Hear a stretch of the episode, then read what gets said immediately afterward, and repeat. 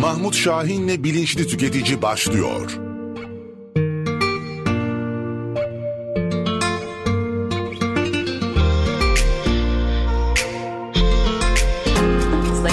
Ben Bilge Nur Ülger. Ee, çok kıymetli konuğumuz Tüketiciler Birliği Genel Başkanı Mahmut Şahin bizimle. Başkanım hoş geldiniz. Hoş bulduk Bilge. Nasılsınız? İyiyim şükür. Sizde ne var ne yok? Çok şükür. Sendromsuz, sendrom olmayan hayırlı bir pazartesi. Ee, sel felaketinde hayatını kaybeden vatandaşlarımıza Allah'tan rahmet, ailelerine başsağlığı diliyorum. Aynı zamanda evini, arabasını, mahsulünü kaybeden vatandaşlarımıza da geçmiş olsun dileklerimi iletiyorum. Ee, Bilinçli Tüketici programını Instagram'da Radyo Radar 918, Facebook'ta e, Radar Kayseri, Kayseri Trafik Kaza Gündem, İşte Radar, Kayserimnet, Kayseri'de son dakika sayfalarımızdan canlı görüntüleyebilir. Aynı zamanda radyonuzu Radyo Radar 91.8 frekanslarıyla izleyebilirsiniz. Hmm, başkanıma sorularınızı sosyal medya hesaplarımızdan iletebilir. Aynı zamanda 0352 336 2598 WhatsApp hattımız üzerinden de iletebilirsiniz. Ee, bugün kalp krizi salgınından başlayacağız. Evet. Ee, aşı sonrası e, kalp krizi artışları gözlemlendi. Ee, ya daha doğrusu bunu da böyle yazamıyorlar tam olarak. Kalp krizi arttı mı? Artış gösterdi mi? Aynı zamanda e, BioNTech firmasının işbirliğinde üretilen aşının e, kalp krizi riskini artırmadığı yönünde de araştırma yapmışlar. Siz bu konuda ne düşünüyorsunuz? Ee, son iki senede tıp adına söylenen yalanlar dünya yaratıldığından beri söylenmemiştir. Yani bütün yalanları toplayın. Son iki senede söylenen kadar hayatta olmaz. Yani iki senedir acayip bir şekilde e, üstelik tıp adına, sağlık adına tıpçılar, sağlıkçılar müthiş yalanlar söylüyorlar. Bunu böyle bir noktaya getirdiler ki hani bazen siyaset bir algı yapar. Yani siyasetin algıya ihtiyacı vardır. Hı hı. Oy toplamak için yani memleket kötüdür ama iyi göstermek için ya da muhalefet algı yapar. Memleket iyidir ama kötü göstermek için. Bundan algıya ihtiyacı vardır ama algıyı son iki senedir e, sağlık camiası, Dünya Sağlık Örgütü liderliğinde Dünya Sağlık Örgütü'nün patronu da işte bilgisayarcı arkadaşımız. Onun öncülüğünde muazzam bir algı oluşturuldu. Yani buna bizim ülkemiz de dahil oldu maalesef. Ve biz her gün akşam e, korku filmi seyreder gibi Sağlık Bakanlığı çıkıp açıklamalarını dinledik korkuyla. Evet. Ha, biz korkmadık şükür ama bunun bir pandemi tiyatrosu olduğunu biz biliyorduk. Yalnız insanlar korktular, korkan insanlar oldu. Biz o dönem şunu söylemiştik. Ee, ki kalp krizi konusunda tabii ki biz bilemeyiz. Yani çünkü vurulan sıvının ne olduğunu bilmiyoruz. Bir sıvı var ortada da adı aşı değil. Yani aşı olamaz. Artan bir oran da var ama ne olduğunu da bilmiyoruz. Yani evet, evet tamam kalp kalp krizleri arttı ama bu şundan da e, sebep olabilir. E, biz iki yıl kadar evde kaldık. Yani e, evde kalıp yani yiyip içip yattık. Obeziteden olabilir, hareketsiz yaşamdan olabilir. Bu yüzden de artmış olabilir. Evet. Yani e, sadece bak, aşı da olmayabilir. E, çok doğru. Bu, bu, bunu kimse inkar edemez. Yani yüzde yüz doğrudur da diyemeyiz. Hayır öyle olmamıştır da diyemeyiz. Çünkü şu anda sadece sonuçlar tahlil ediliyor, analizleri yapılıyor. O iki senelik evde kalma döneminde hatta bir üç aylık yüzde yüz evde kalma döneminde hı hı. biz şunu dedik. İnsanlara psikolojik hastası yap, psikoloji hastası yapacaksınız. Yani panik atak olacaklar. Bunun bir üst evresi depresyona girecekler. Çünkü içeride kapanmışlık ve ölümün gelip kendisini bulmasını bekleme. Bu kötüdür. Ve belli bir yaş grubu kesinlikle psikolojik hastalığa yakalanacak demiştik. Hı hı. Yakalandı. Biz en çok onu dile getirmiştik. Yani panik atak ya da psikoloji ilaçları çok satılacak. Dertleri bu. Onlara satmak için uğraşıyorlar diye. Çünkü o meşhur bilgisayarcı arkadaşımız e, en çok kazancını sağlıktan yaptığını ısrarla söylüyor. Ben sağlıkta çok para kazandım diyor.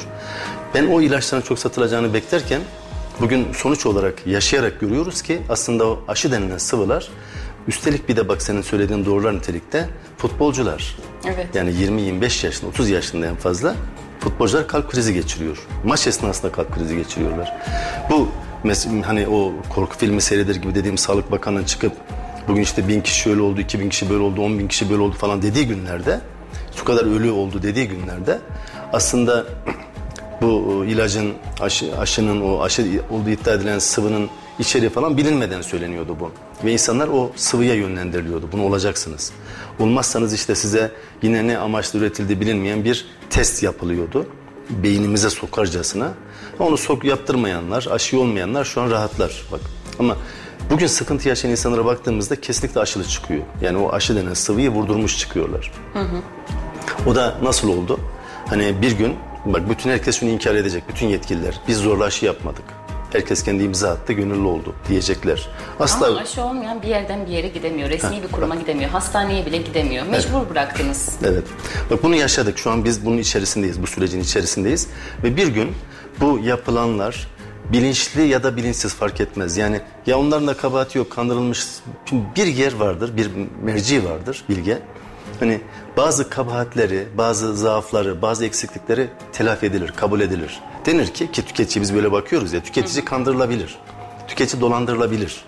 Tüketici öngöremeyebilir. Fakat satıcı öngörmek zorunda, satıcı dolandırmamak zorunda, kanun da bunu önlemek zorunda deriz yani her merciye göre. Şimdi Sağlık Bakanlığı'nın ya da bu ülkeyi yöneten insanların ya biz işte o bilgisayarcıya kandık, Dünya Sağlık Örgütü bizi yanlış yönlendirdi deme lüksleri yok. Er ya da geç. Samimiyse itiraf edecekler ve yargı karşısına çıkacak dünyada bütün herkes bak bu konuda insanlara zorla aşı vuran sen uçağa almıyorum, seni kuruma sokmuyorum diye ağzına maske takılması ve ya bak hani e, ben gerçekten o çocuklar torunlarımız belki ileride 10 sene, 20, 30 sene sonra, 40 sene sonra nesil bize şunu soracak. Ya dünya yaratıldığından beri bak bu çok önemli. Bunu tekrar tekrar söylüyorum ama gerçekten çok önemli. Dünya yaratıldığından beri bütün tıbbın, bütün sağlıkçıların, bütün herkesin kabul ettiği bir şey var. İnsanlar yaşamak için, sağlıklı yaşamak için temiz oksijen almak zorundalar. Kirli karbondioksit de vermek zorundalar. Bu değişmez bir kural. Kimse itiraz edemez buna. Ama o iki sene boyunca bize dediler ki temiz oksijen almayacaksınız, karbondioksit de vermeyeceksiniz. Karbondioksit tekrar soluyacaksınız ve sağlıksız bir birey olacaksınız. Bunu kim yaptı? Sağlık örgütü yaptı. Ve bunun peşinde de bütün sağlık bakanlıkları düştü, dünyadaki herkes. Düşmeyenlerde sıkıntı yok. Afrika ülkelerinde bugün Covid'e rastlanmadı.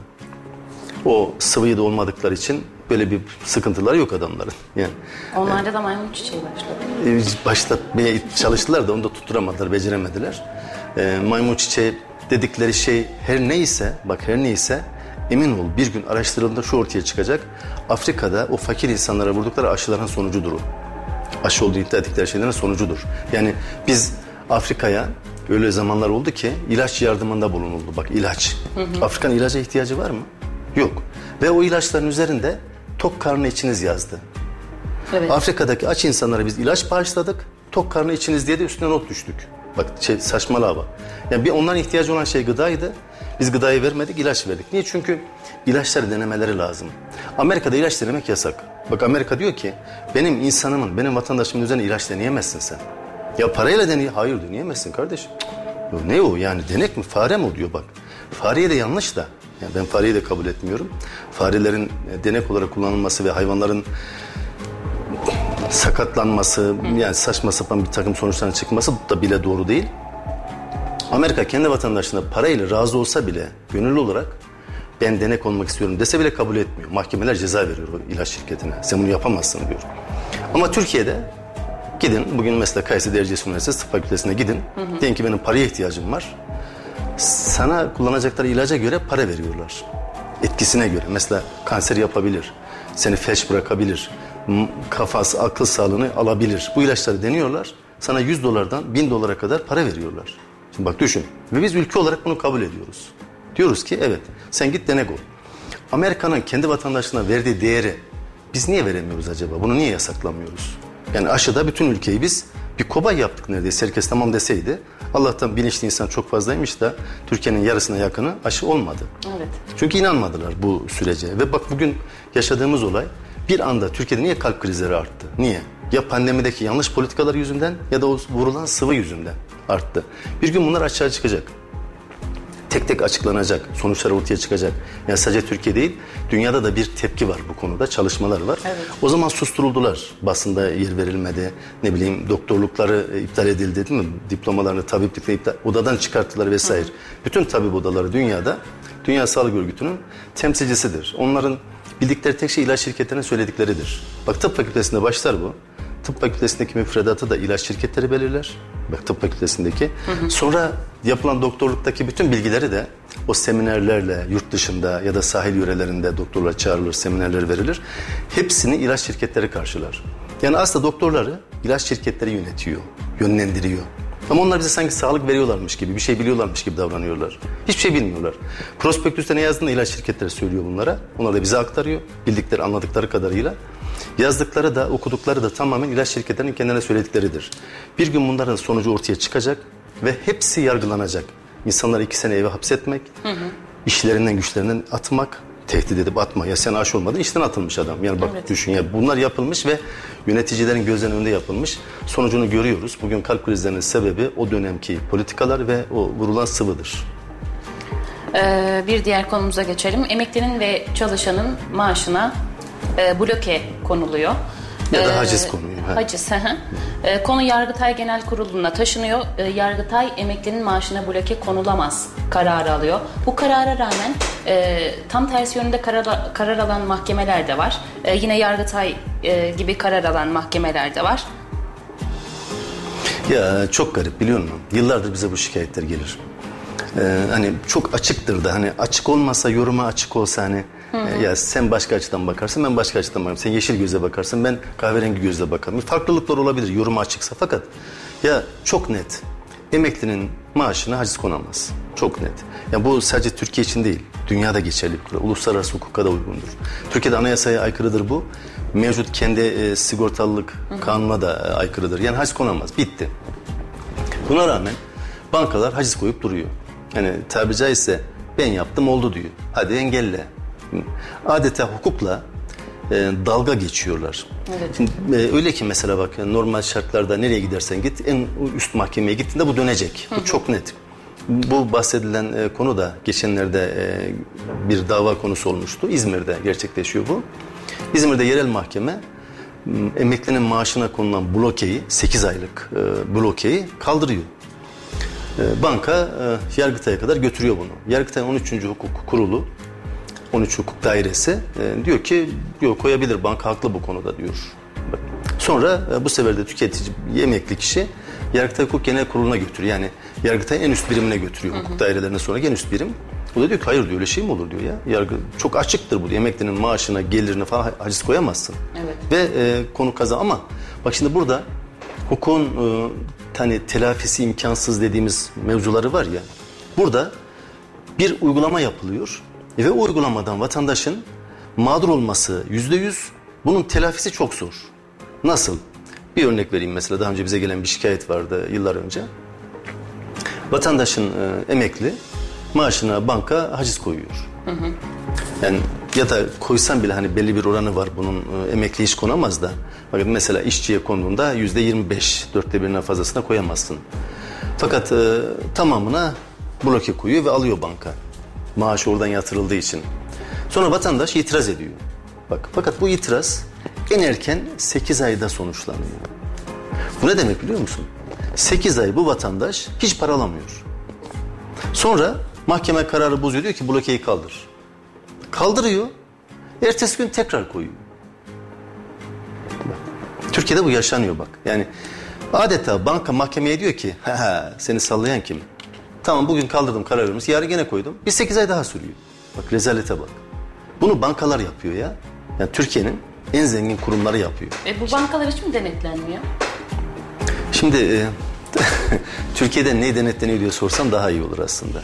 Evet. Denetleme mekanizması gücünü yasalardan alır. E, yasalara yön veren, yasamaya yön veren yani meclis yasama organları biliyorsun. Yasalar oradan çıkar meclisten. Hı hı. Yasamaya kim yön verir? Mesele orada düğümleniyor zaten. Biz tüketici hukukundan baktığımızda olaya her iki senede bir tüketici kanunu değişiklikler olur. Yani yönetmelikler çıkar, değişir ya da kanun çıkar, değişir vesaire. Biz bazı konularda e, bakanlıkla ki Gümrük ve Ticaret Bakanlığı bu tüketici kanunu çıkartır. Orada yetkili olan bakanlık odur. O da bir garip garip durum da Ticaret Bakanlığı tüketicinin kanunu çıkartıyor. Yani Ticaret Bakanlığı tacirin bakanlığı yani bizim değil ki. Hı hı. Ama orada bir genel müdürlük oluşturmuşlar. Tacire bağlı bir genel müdürlük. Yani çok saçma. Bunun ayrı bir yerde olması lazım. Yani ayrı bir birim olması lazım. Mesela Aile Bakanlığı'nda olabilir, ayrı bir genel müdürlük olabilir mesela. Ya da Cumhurbaşkanı'nın bizzat e, altında bir birim olabilir. Yani bir bakanlığa bağlı değil de Ya tüketici o kokuna bakıyor adam. Yani orada tüke, birbirinin etkisi altında olamaz. Olmamalı. Ya tüke, 83 milyon adına bir takım kanunlar çıkmalı. O da ayrı bir garip durum da neyse dedik hadi onu şu an çok da gündeme getirmeyin. Başka sıkıntılar var. Şimdi burada kanunlar e, çıkıyor iki senede bir. Biz bir konuda bir kıvama getiriyoruz bir kanunu. Mesela diyoruz ki e, su beyaz. Beyaz cam bardakta içilsin. Mesela böyle bir kanun üzerine çalışıyoruz.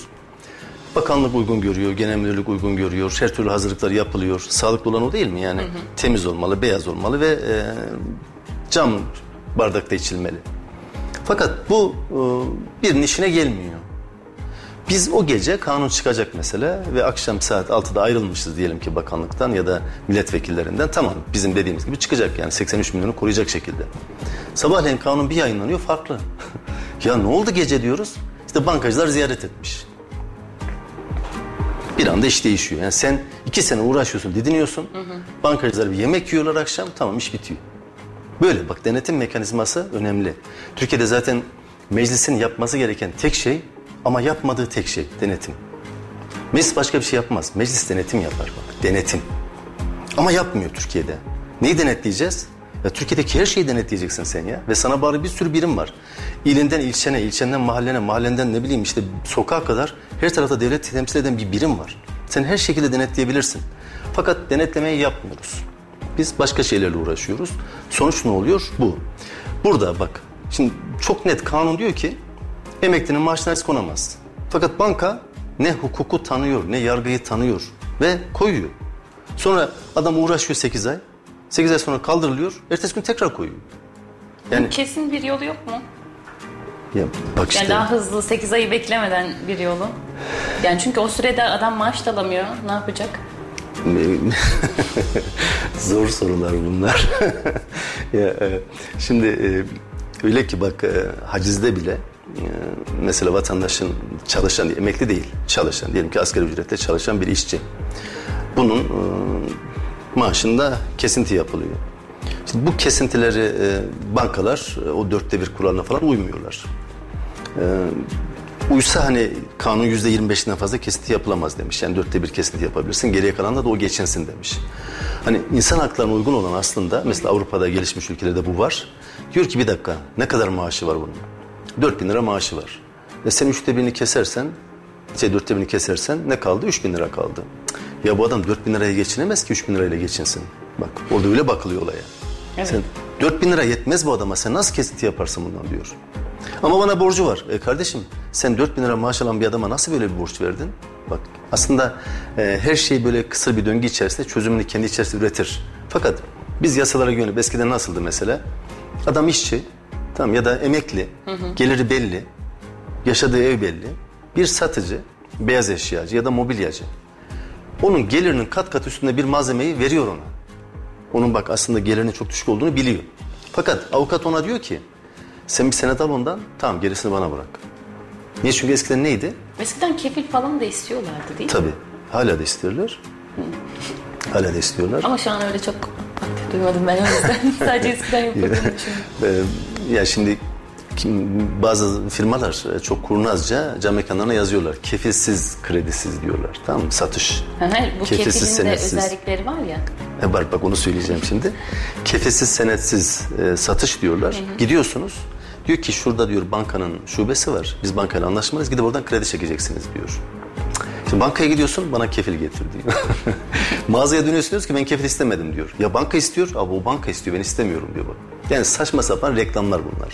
Hani onu okuduğumda insanlar aa bak şurada senetsiz kefilsiz alınabiliyormuş diye rahatlıkla gideceğini düşünüyor da yok işte öyle değil.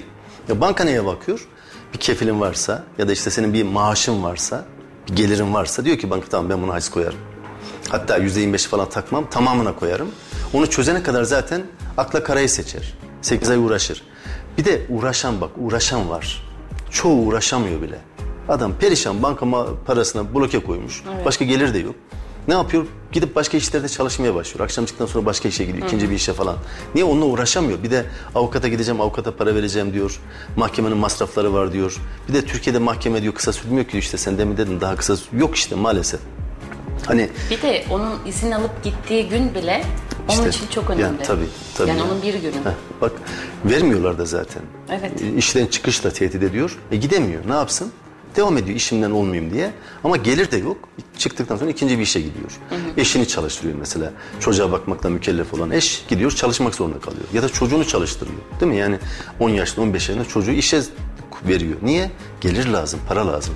Ya burada Türkiye'de aslında baştan aşağı düzenlemeler böyle çok toplumun içerisinde çözüm odaklı düşünceler, düzenlemeler değil bak. Yani günlük makyaj çözümler. İşte konuştuk kaç hafta e, kira meselesini mesela. Evet. Ne oldu en son çıkan şey? Yüzde 25'ten fazla artırılamaz dendi.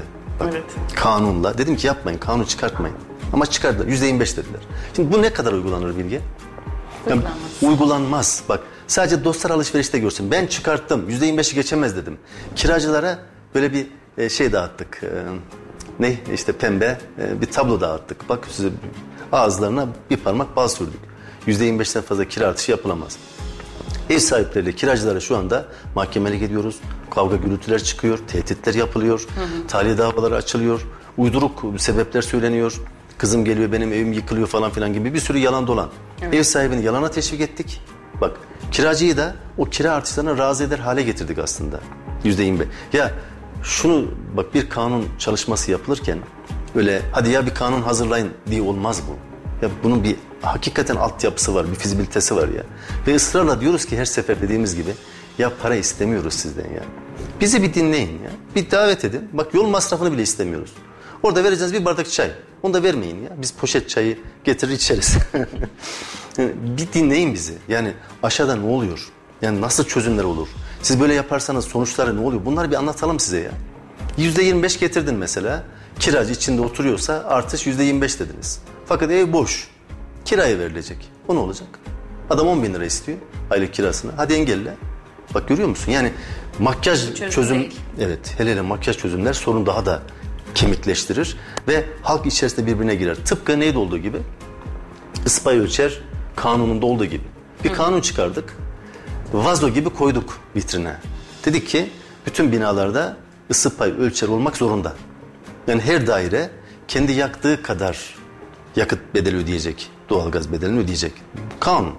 Ve dendi ki şu tarihten sonra 2013'ten sonra yapılan binalar ısı pay ölçersiz ruhsat bile alamıyor. Bak belediye vermez. Yapılacak o. Şimdi yaptık da e, kullanılmıyor. Ne olacak? Kanun çıkartmışsın. Kanun var diye vatandaşlar itiraz ediyor. Bu sefer mahkeme diyor ki ya kat mülkiyeti kanuna göre çoğunluk ne derse o. Mahkemeler de bilmiyor. Uygulatamıyorsan çıkarma. İşte o zaman ha, ben de onu diyorum işte yani bir sor bize ya. Yani niye uygulanamıyor biliyor musun? Mesela Çevre Bakanlığı çıkarmış o kanunu. Çevre Bakanlığı'nın illerdeki birimi ne? Çevre ve Şehircilik İl Müdürlüğü. Bir de Çevre ve Şehircilik Bilgi Bakanlığı oldu değil mi adı? Neydi? İklim, İklim Bakanlığı. İklim değişikliği var. Evet. İklim değişikliğini de bilgisayarcı yapıyor ya dünyada. Bütün dünyadaki iklimciler, çevre bakanlıkları Bill Gates'in peşine düştü gidiyor. Ne varsa bu adamda.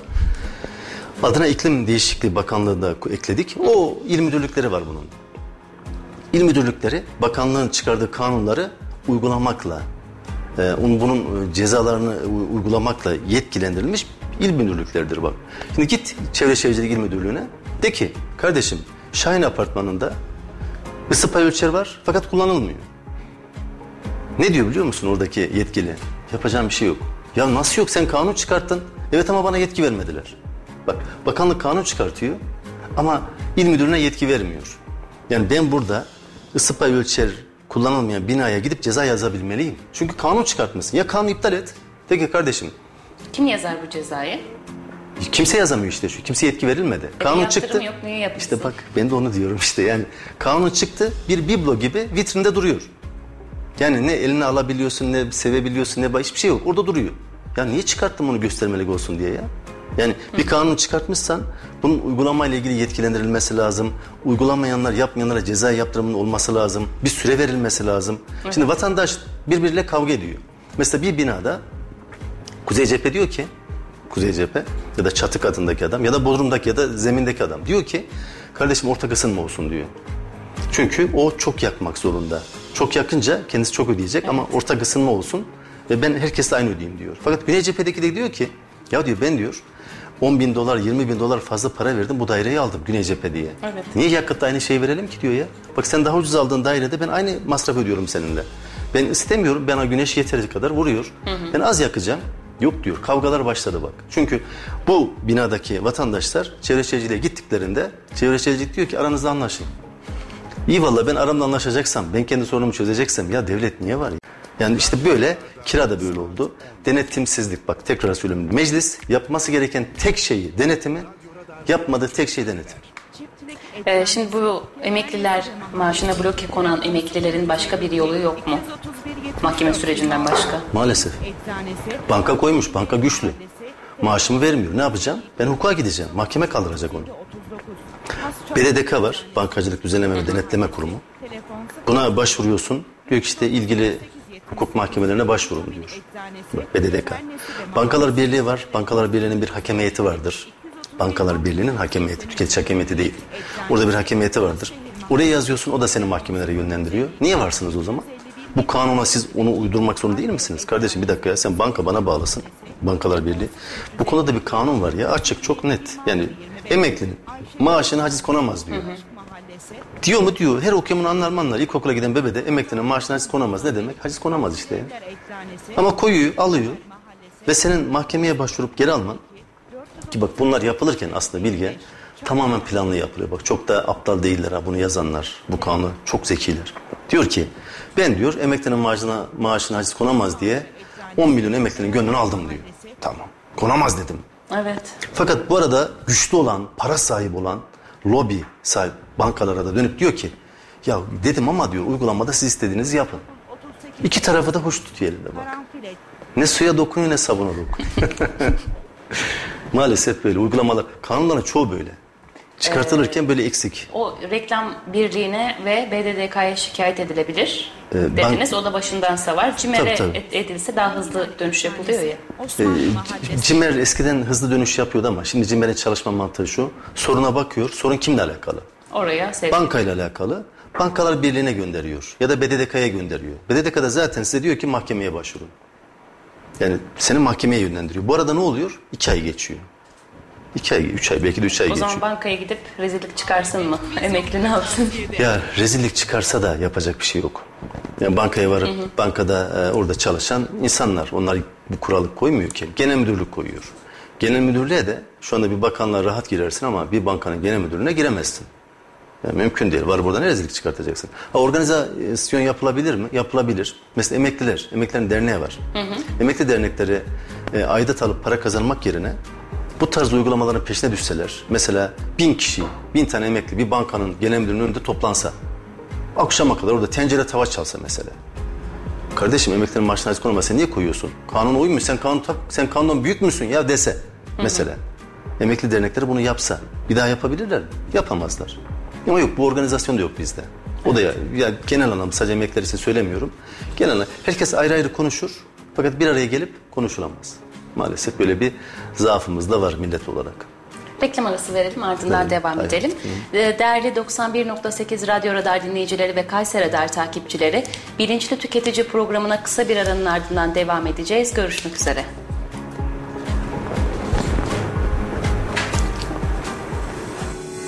Bilinçli Tüketici devam edecek.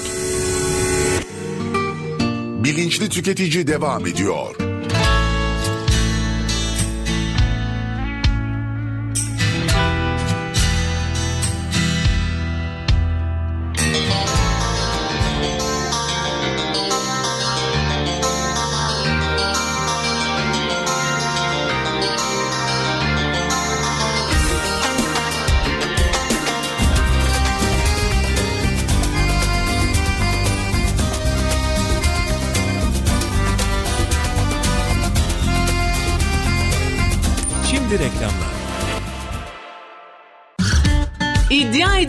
Yok böyle fiyat. Orijinal lisanslı beslenme çantası sadece 49 lira 90 kuruş. Meyso Atlet AVM Vizyon Kırtasiye'de.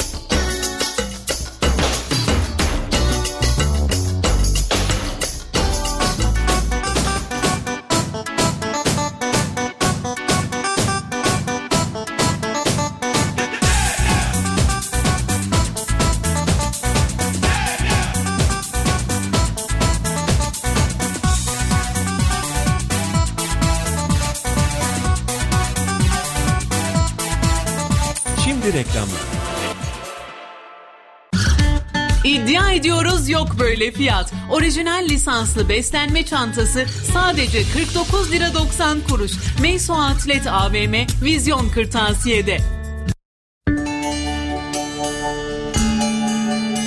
Özerpan cam, PVC ve panjur sistemleri hava durumunu sunar. Radyo Radar Hava Durumu.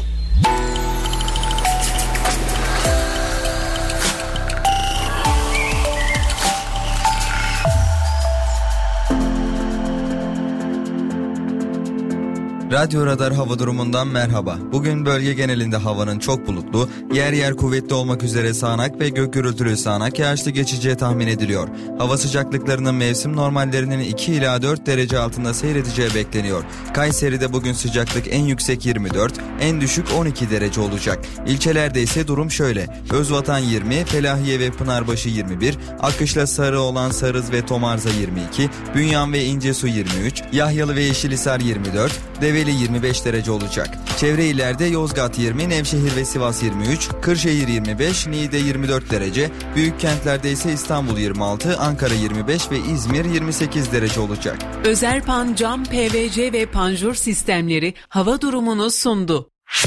Müzik Radarı.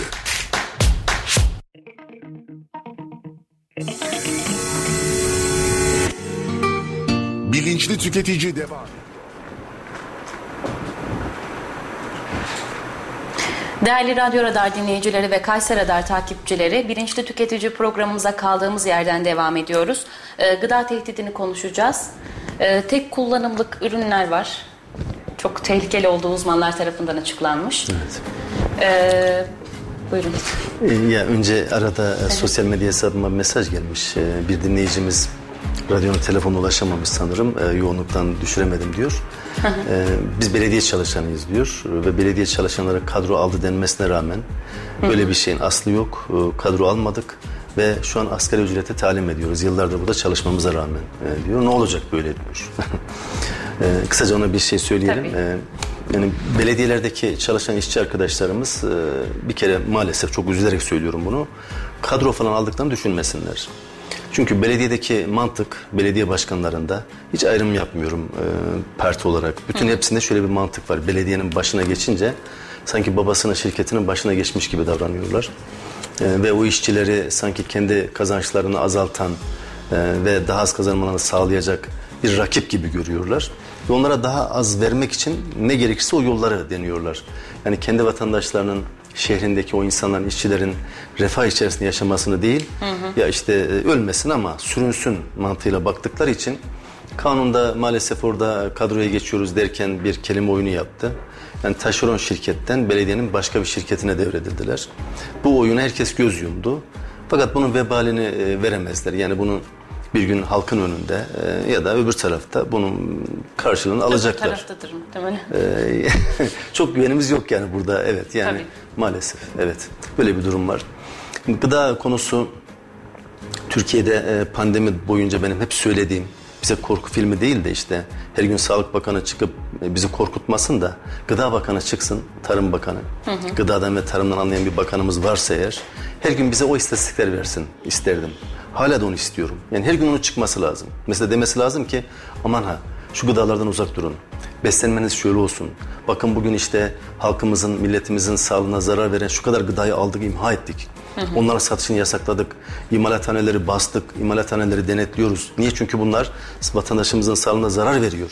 Ben onu dinlemek isterim ya. Şu an öyle. Ya biz toplum olarak, şu millet Türkiye olarak çok sağlıklı beslenemiyoruz. Ben son dönemlerde hiç böyle bir şey duymuyorum. Siz duyuyor musunuz? Nasıl bir şey? İşte bastık, e, imha ettik, temizledik. Şurada şöyle şöyle şeyler varmış. Bunu yasakladık. İşte bu paketli üründe şu varmış. Ben hiç duymuyorum. Daha önce duyuyor muydun? Ee, imalathane ya da işte atölye denmez de onlara. Üretilen yerler var ya tesisler. Oraların kapandığını, böcek çıktığını, un şey unculardan bir şeyler çıktığını görmüştüm. Ama küçükken. O, o, ha, o zaman küçüktün evet. E, o hassasiyet kalmadı. İmalat arttı. Fakat bakanlığın denetim mekanizması ve teknik altyapısı artmadı. Orada kaldı stabil. E, ve şu an sadece ihbar olursa, şikayet olursa gidilip denetleme yapılıyor. Fakat o denetlemelerin de hani biraz önce dedik ya denetleme yapılamıyor aslında. Denetleme mekanizması denetleme yetkisini kullanmıyor. Bakanlıklarda da hani halkın içerisindeki söylentiyi ben sana aktarayım. Halkın inandığı şey çünkü asıl olan budur zaten. Hani kimse bunu ispatla mükellef değildir ama halk şöyle diyor. Ya denetlemeye gidiliyor ya başkanım bize söyleniyor. Önce telefon ediyorlar diyor. Haberli. Ha, Yani biz geliyoruz diyorlar sonra gidiyorlar diyor. Şimdi bak halk bile inanmıyor bu denetlemelere. Evet. Şimdi halka inanmadığı bir şey siz yapamazsınız ki zaten ya. Halk inanmıyor karşılığı yok bunun. Denetlemeler eskiden evet dediğin gibi belki e, göstermelik de olsa yapılıyordu. Şimdi o da yapılmıyor. Yapılamıyor. Ve ne oluyor? Yani kim ne üretmişse onu piyasaya sürüyor, satıyor. Evet. Bunun aslında en bariz örneği şuydu ki o, o zamandan beri ben 15 yıldır biliyorum bunu. Rusya bizden giden ürünlerin bazılarını geri gönderiyor. Bu diyor içerisinde kimyasal madde var. Halkın sağlığına zarar verici ben maddeleri tespit ettim. Dolayısıyla ben Rusya'ya sokmam bunu. Kendi vatandaşıma yedirmem bunu diyor. Sarışınlara yedirmem diyor. Ama biz ne diyoruz? Altın ölümü arpadan olsun ya getirin. Ya. Böyle bakıyoruz değil mi olaya? Türkiye'de Çok değersiz hissediyorum Evet. sizinle konuşunca. ama öyleyiz bak devletin bakış açısı bu bize. Evet. Değersizleştiriyor. Değer vermiyor. Değer verse zaten Rusya'nın kendi ülkesine sokmadığı gıdayı bizi, bize de yedirmez. Bak, yedirmez. Ama iç piyasaya sokuluyor. Ya zarar mı etsin canım o tüccar üretmiş diyor. Bu taraf yesin. Yenir. He, yenir. yani bizim, Araya mı gitsin? ya bizim bir ara e, sanayi bakanımızdı galiba ya. Tarım bakanı mıydı? Radyasyonlu çayı içen ekranlarda. Yani e, Anavatan Partisi hükümeti döneminde e, bu bugünkü Ukrayna'da bir e, atom santrali e, sızıntı olmuştu Çernobil, Çernobil. he, Çernobil'de. O Karadeniz'e gelmişti doğal olarak çünkü komşu o da Karadeniz'e kıyı biz de Karadeniz'e kıyıyız. Çay orada çay o radyasyonu etkilendi diye bir e, şaya çıktı ve bizim bakanımız çıktı çay içti daha ben içtim bir şey olmadı diye. O çay olduğundan emin değilim. Belki yurt dışından getirdi çay içmiştir. Yani bu kadar bak yani bu kadar güven vermiyor artık siyasiler bize. Evet. Ee, işte bugünkü bir siyasinin paylaşımını e, söyleyeyim. Çok enteresan. Bir milletvekili e, ve diyor ki e, sanırım karşısındaki vatandaşlar parasızlıktan, ekonomik sıkıntıdan bahsetmişler. E, olabilir diyor arkadaşlar diyor. Yani paranız olmayabilir, paranız kalmayabilir, ekonomik sıkıntıya girebilirsiniz ama diyor Evet, Türk Hava Yolları zam yapmıştı. Onun üzerine. onun üzerine mi hı. konuşsam? E, uça, uçaklara binemeyebilirsiniz. Fakat gözünüzü de kapatmayın canım. Bakın açın ne kadar güzel yollar yaptık. İştahınız açılsın. Ya, gönlünüz açılsın. de. Gitmesek de, görmesek de, binemesek de bak ne güzel yani yollarımız falan çok güzel. Ya, bu bakış açısı Türkiye'de hani vatandaşın içinden çıkmayan, daha doğrusu içinden çıkan, vatandaştan uzaklaşan, vatandaşın yaşadığı sıkıntıyı bilmeyen, onun arasına duvarlar ören bir anlayış bunu der. Çok normal bu. Yani hep dalga geçeriz ya Fransa'daki kraliçe ekmek bulamıyorlarsa pasta yesinler demiş diye. Hiç farkı yok bu lafın aslında bundan. Yani hiç Evet. farkı yok. Ama günümüzün içeri, günümüzde içinde yaşarken bunu belki çok hissedemiyoruz. Bu laflar e, ileride bizim torunlarımızın bizimle dalga geçtikleri laflar olacak. Nasıl tahammül ettiniz? Kendi kendinizi nasıl yönetmişsiniz? Bu adamlara nasıl yetki vermişsiniz diye torunlarımız inşallah bak inşallah çünkü torunlarımız da bizim gibi olmasın. Yani çocuklarımız bizim gibi olmasın. Çocuklarımız isyan etsin, itiraz etsin. Ben daha iyisini istiyorum desin. Ben layığım. Amerika'da, Kanada'da, Fransa'da, Rusya'da yani ne yaşanıyorsa insanlar neye layıksa ben de onları istiyorum. Yani yöne aynı yetkiyi vermedik mi? Oradakilere ne yetki verilmişse bize de aynı, bizdekilere de aynı yetki var. Yönetme yetkisi. Halk adına her türlü karar alma yetkisi değil mi? Alıyorlar. Mecliste de onu yasalaştırıyorlar. Yasaya herkes uymak zorunda. Vatandaşa gelince o yasalar e, hep ucu açık bırakılıyor. Denetim mekanizması olmadan çevre şehirciliğe yetki verilmediği gibi. Ama kendileriyle ilgili bir kanuna gelince acayip yaptırımlar oluyor değil mi? Yani olayı hani bir kabileyi yönetir gibi, kendi aile şirketlerini yönetir gibi baktıkları için biz bu sonucu yaşıyoruz. İnsanımız bak 12 milyon işçi ve Türkiye'de var ya hani e, ben çok iddiayla söylüyorum gelirini hak eden bak gelirini hak eden tek kesim işçi kesim. Hakikaten çalışıyor. Ama elde ettiği gelir de aslında çalıştığının karşılığı değil. Evet. Hiç hak etmeyen insanlar kat kat fazlasını kazanırken kat kat fazlasını kazanırken işçiler hak ettiği halde çok aza mahkum ediliyorlar. Çünkü kanun çıkarmak, yönetmek yetkisi işçide değil. Hep yönetiliyor işçi. O yönetenler hep kendilerine bir takım e, menfaatler temin ediyorlar. Bununla ilgili yapılar, altyapıları yapıyorlar. Hep söylenir yani. İlk defa partiler, bütün siyasi parti milletvekilleri bir konuda bir araya geliyorlar. Maaş zammı, milletvekili maaşı zammı, milletvekilinin emeklilik hakkı gibi mesela. Hepsi aynı anda el kaldırabiliyor. Ya nasıl oluyor kanlı bıçaklı milletvekilleri bir konuda anlaşabiliyorlar? Hep menfaat konusu yani. Bunu da vatandaş biliyor Kanlı bak. bıçaklı olduğunda sadece ekranlardan görüyoruz. E, evet tabii Böyle ekranlarda şey gösteriliyor. Evet, evet, evet. Yani araştırılsa aslında milletvekillerinin siyasi partiler arasındaki Belki ticari de sıkı ilişki. dostlar. Çok Bilemeyiz. sıkı dostluklar, kız alıp veriyorlar, ticari ortaklıkları var. Beraber restoranlara gidiyorlar, eğlenceli falan. Yurt dışına beraber gidiyorlar neyse. Yani onlar da araştırılsa ortaya çıkar ama fakat dışarıya da karşı da bir oyunun oynanması lazım. Yani e, vatandaşa karşı bir rolün e, oynanması lazım. O ona hain, alçak diyor. Ama bir bakıyorsunuz o hain, alçak diyenler biraz sonra bir arada iş yapıyorlar. Yani birbirlerine para alıp verebiliyorlar. Doğrusu bu. Yani iş yapsınlar bir arada ama ya mecliste de hakikaten adam gibi yani ülkenin lehine, menfaatine kanunlar çıkartmak için birlikte hareket etsinler. Şimdi içeriğine bakılmadan işte bir parti, e, rakip parti vermişse bir önerge reddediyor. Ya da işte iktidar partisi bir şey su- sunmuşsa şunu yapalım diye muhalefet hiç okumadan hemen karşı çıkıyor. Yani Evet. böyle olmasın aslında. Ya orada millet adına bir araya gelinmesi Ülke lazım. yararına bir şey yok yani. Yok. Siz söylemiştiniz hatırlıyorum. Ee, yurt dışında milletvekili olmak istemiyor insanlar. Hah, bak evet. Bak. Niye? Ben çok şaşırmıştım. Evet bak bu olay e, İsveç'te gerçekleşiyor ve orada adam diyor ki ya ben niye milletvekili olayım?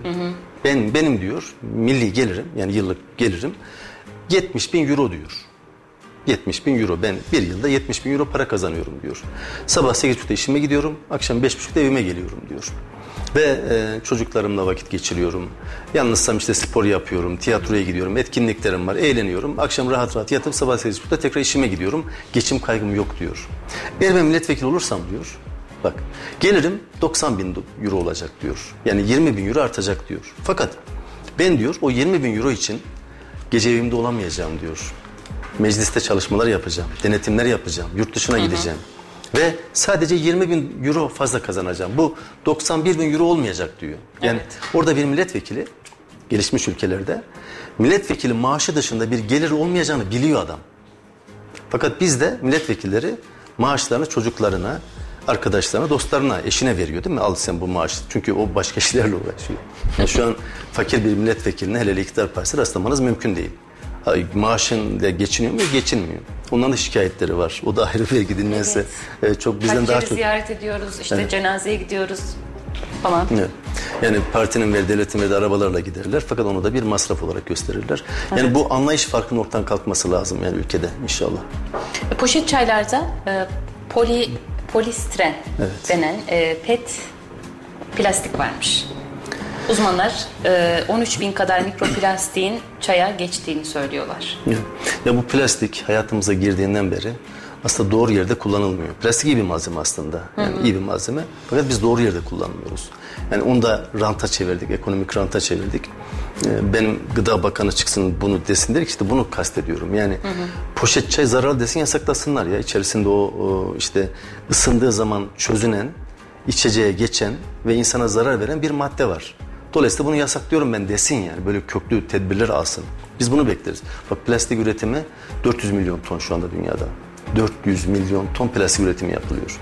Bu üretimi yapanlar acayip para kazanıyor. Satanlar da kazanıyor. Fakat asıl kazanç o plastiklerin insana verdiği zarardan dolayı tedavide kullanılan ilaç fabrikaları kazanıyor. Yani bunun verdiği bir zarar var. Bunu önleyecek olduğu iddia edilen bir de ilaç var. Yani iddia ediyorlar yani çözüp çözmediğini de bilmiyoruz ama muazzam bir ilaç sirkülasyonu başlıyor. Bunun çoğunu devlet karşılıyor biliyorsun yani. Devlet e, o ilaçları alıyor ve dağıtıyor. Yani kendi sosyal güvenlik harcamasından dolayı. Sağlık giderlerinde devlet hani sosyal devlet ya. Yani ben karşı ben yıllardır ne söylerim Bilge biliyor musun? Aslında ilaçlar bedava olmamalı. Devlet ilaç desteğini çekmeli. Kesinlikle çekmeli. Devlet eğer bir şey destek verecekse bu sağlıklı gıda İlaç olmalı. desteği mi var devletin? Tabii var. Şu an emekli ya da işte çalışan ya da memur yüzde onunu katkı payı verip ya da yüzde yirmisini verip ilacı alıyor. Geri kalan yüzde seksenini, Yüzde onu doksanını mu bu kadar yapıyor ilaçlar? Tabii, tabii. Ne kadar pahalı ilaçlarmış. yüzde seksen, yüzde doksan devlet karşılıyor onu. Tabii tabii böyledir. Yani bizim en çok açık verdiğimiz hususlardan birisi de o sağlık giderleridir. Yani böyle. Ben isterim ki Devlet ilaca destek vermesin, tedaviye destek vermesin devlet. Çünkü şu an kullanılan ilaçların ya da e, doktora gidilen tedavilerin çoğunluğu psikolojik. Yani ilaca ihtiyaç hissetme. Ben gideyim bir doktora karnım ağrıyor ilaç yazdırayım. Evet. Ya karın ağrısına ilaç yazdır, baş ağrısına ilaç yazdırırım. Yani bir yerim ağrımış. Tamam ağrıdıysa en iyi doktor kendisidir. Niye ağrıdığını bilirsin onu yapmazsın bir daha. Yani çözüm budur aslında. Fakat bir tartışmada karı koca tartışıyor. Ertesi gün kadın doktorda. Niye strese girdi, sinirlendi, öfkelendi falan filan. Ve bir süre sonra ne oluyor? İlaç bağımlısı oluyoruz. Çok özür dilerim ilaç manyağı haline geliyoruz. İlaçlar bağımlılık yapar. Yani içtiğimiz o Tabii içmeden bir de geçmiyor. Bak tabii bağımlılık yaptığı için geçmiyor tabii. Sen onu geçmiş zannediyorsun aslında.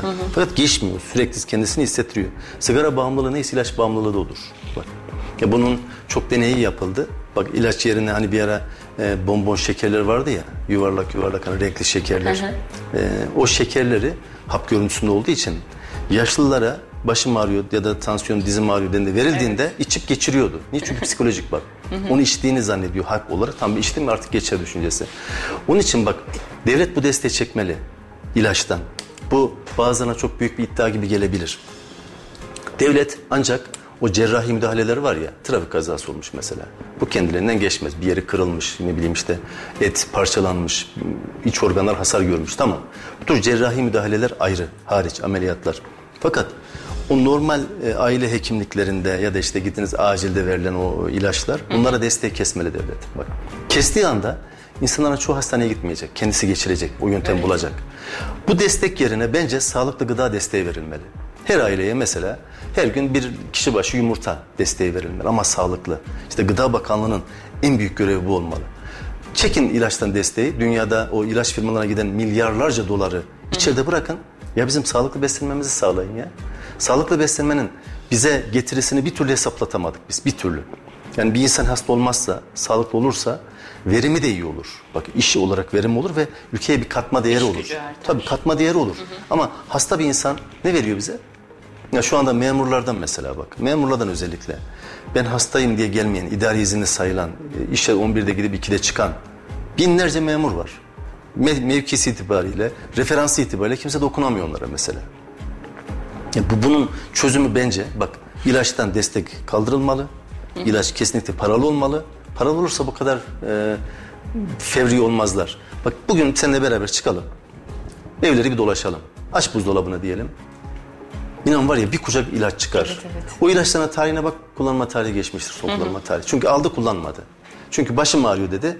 Eve ilacı aldı götürdü. Baş ağrısı geçti bir daha da kullanmadı o ilacı. Karnım ağrıyor dedi geçti. Bacağım ağrıyor dedi geçti. Sıkıntım var dedi işte bunaldım rahatlayayım falan. Şimdi doktorlar da ilaçları ne yazıyorlar? Niye yazıyorlar doktorlar? Çünkü ilaç şirketlerinden hediye alıyorlar. Bak hediye aldığı şirketten daha çok hediye almak için daha çok ilaç alıyor. Vatandaş gelmiş ilaç istiyor. Bir de öyle bir durum da var. Hani orada bazı doktorları anlıyorum. İlaç karşı doktorlar var. Diyor ki bana bir- birkaç kez bunu konuşunca programda aradılar. Ya başkanım dediler biz ilaç yazmazsak hasta bize kötü davranıyor. Sen nasıl doktorsun diyor. İlaç yazarsak iyi doktoruz diyorlar bak. Niye? İşte ilaç paralı olmalı. Paralı olduğunda doktor diyecek ki bak sana ilaç yazarım ama şu şekilde de geçebilir. O Şu şekildeyi tercih eder o zaman bak. Ve doğal olarak geçer ve vatandaşın o bünyesinin dayanıklılığı hani o karşı koyuş yani derler ya işte vücudun direnci itibariyle o artar. Fakat ilaçla biz ne yapıyoruz? Mesela soda içiyor adam. Sindiremedim diyor. Yiyor yiyor çiğnemeden yutuyor sonra soda içiyor. Bak yanlışa bak. Ya çiğnersen yavaş yersen sindirir zaten miden. Fakat sen soda takviyesi yaptıkça mide diyor ki ha bir dakika bir takviye var çalışmıyor. Sonra bir süre sonra tembelleşiyor. Sen sodasız ya da ilaçsız o mide hapları var. Onsuz sindiremiyorsun bak. Bizim çıkıp yetkililerin bu konuda bize briefing vermeleri, desteklemeleri lazımken ne yapıyorlar? Aman ha aşı olun. Ee, garanti aldığımız ürünlerle ilgili garanti sürelerinde konuşalım. Çok vaktimiz kalmadı. Ne kadar kaldı vaktimiz ona göre konuşayım. Ee, hepsini kullanmayın ben de kullanacağım 6 dakika. Tüketicilerin e, garantiyle ilgili hakları nelerdir? Ya bizdeki en büyük hata, e, kısa geçeceğim belki zamanla açarız o konuyu. Zaten bu konuyu derinlemesine konuşmuştuk. İki yıl diye bilinmesi garanti süresinin. Hep böyle biliriz biz. Yani garanti kapsam iki senedir. iki sene sonra garanti bitiyor. Böyle biliriz. Halbuki böyle değil. Bak bir ürünün garanti süresi 10 yıldır. Fakat burada sadece mevzu şu. Ücretsiz tamir süresi nedir? Ücretsiz tamir süresini iki yıl olarak kabul etmiş kanun. Fakat bu kanunu aşan, delen, bu kanunun anlamsız olduğunu söyleyen mahkeme kararlarımız var. Yargıtay Hukuk Genel Kurulu kararı var. Peki bu her ürün için geçerli mi? Her ürün için, için geçerli tabii ki. Bak şimdi mesela bir cep telefonu e, diyor ki işte bunun 5 yıl kullanım ömrü var diyor. Kanun 5 yıl. Burada hakim diyor ki eğer bunun 5 yıllık kullanım ömrü varsa diyor bu 5 yıl arızalanmayacak anlamına gelir diyor. 5 yıldan sonra kullanım ömrü bittiyse diyor tamam arızalar olabilir. Ben bir televizyon alacağım, ben bir buzdolabı alacağım ya da bir mobilya alacağım. Bu mobilyayı 2 sene kullanabiliriz. 2 sene sonra bu mobilya mahvolur denemez diyor. Yani bu mobilyanın kullanım ömrü 10 senedir diyor. Bu buzdolabının kullanım ömrü 10 senedir diyor bak. 10 sene ise eğer diyor 10 sene zarfında bunun arıza yapmaması lazım. Yapıyorsa da garanti kapsamında yapılması lazım. Çünkü sen o arızayı 10 sene gidecek şekilde telafi etmemişsin. 2 sene sonra arıza yapacak şekilde yapmış. Halbuki bunun kullanım ömrü 10 sene. Niye diyor 2 sene sonra bozulacak gibi yapıyorsun ki adam gibi üret diyor bak mahkeme. Hak, Yargıtay Hukuk Genel Kurulu gayet de güzel bir karar bu. Dolayısıyla biz bir de şu var onu da söyleyeyim sonra sana bırakayım. Yedek parça e, süresi. Yani bir ürünü aldık. Mesela 8 sene sonra arızalanır bir parçası lazım. Şimdi servise gittiğinizde diyor ki servis oho diyor. Bu diyor annem kızdı diyor bunu diyor üretildiğinde diyor artık bunun parçası marçası yok diyor bak yani lafa bak. Evet. Ama kanunen 10 sene boyunca onun yedek parçasının tutulması lazım. Eğer biz bir ürünü aldık 8. sene arızalandı ve servis bize diyorsa ki bunun yedek parçası yok ne olur biliyor musun? Tüketici o ürünü değiştirir yenisiyle. Yenisiyle değiştirir. Böyle Kullanım ömrü var. 10 yıl yani. Tabii 10 yıl. Çoğunlukla 10 yıl. Bazıları 5 yıl. O verdikleri bize 2 yıl. O 2 yıl ücretsiz garanti süresi. Kanun diyor ki 2 yıldan aşağı olamaz. 2 yılın üzerine çıkabilirsin ama diyor azami garanti süresi tamir için 2 senedir diyor. Ve bu geçerli değil. Mahkeme kararıyla geçerli değil bu. Bak, yani televizyonda buzdolabında diyor ne demek Yani 2 bizim sene diyor. garanti süremiz 10 yıl mı? 10 yıl. Kullanım ömrü diyelim. Kullanım ömrü. Ürünlerin kullanım ömrü neyse bazılarında 5 yıldır kullanım ömrü bazılarında 10 yıldır. Kullanım ömrü neyse garanti süresi odur aslında. Biz o Yargıtay Hukuk Genel Kurulu'nun kararıyla 5. sene 6. sene arızalanan, imalattan dolayı arızalanan bir ürünü ücretsiz tamir ettirebiliriz. O da bir süre sonra kanun haline gelecek. Bir gece yarısı mecliste bir ziyaret edilmezse tabii. Teşekkür ederiz. Ben teşekkür ederim. Değerli Radyo Radar dinleyicileri ve Kayser Radar takipçileri programımızın sonuna geldik. Ee, bugün e, kalp krizi salgınını, maaşlarda büyük hacizi, e, tek kullanımlık plastik ürünleri ve e, garanti sürelerini konuştuk. E, konuğum Tüketiciler Birliği Genel Başkanı Mahmut Şahin'e teşekkür ediyoruz. Haftaya pazartesi saat 16'da e, yeni konularla sizlerle birlikte olmayı diliyoruz. Program tekrarını sosyal medya hesaplarımızdan ve e, www.radyoradar.com adresimizden tekrar görüntüleyebilirsiniz. Tekrar görüşünceye dek iyi haftalar diliyorum. Hoşçakalın.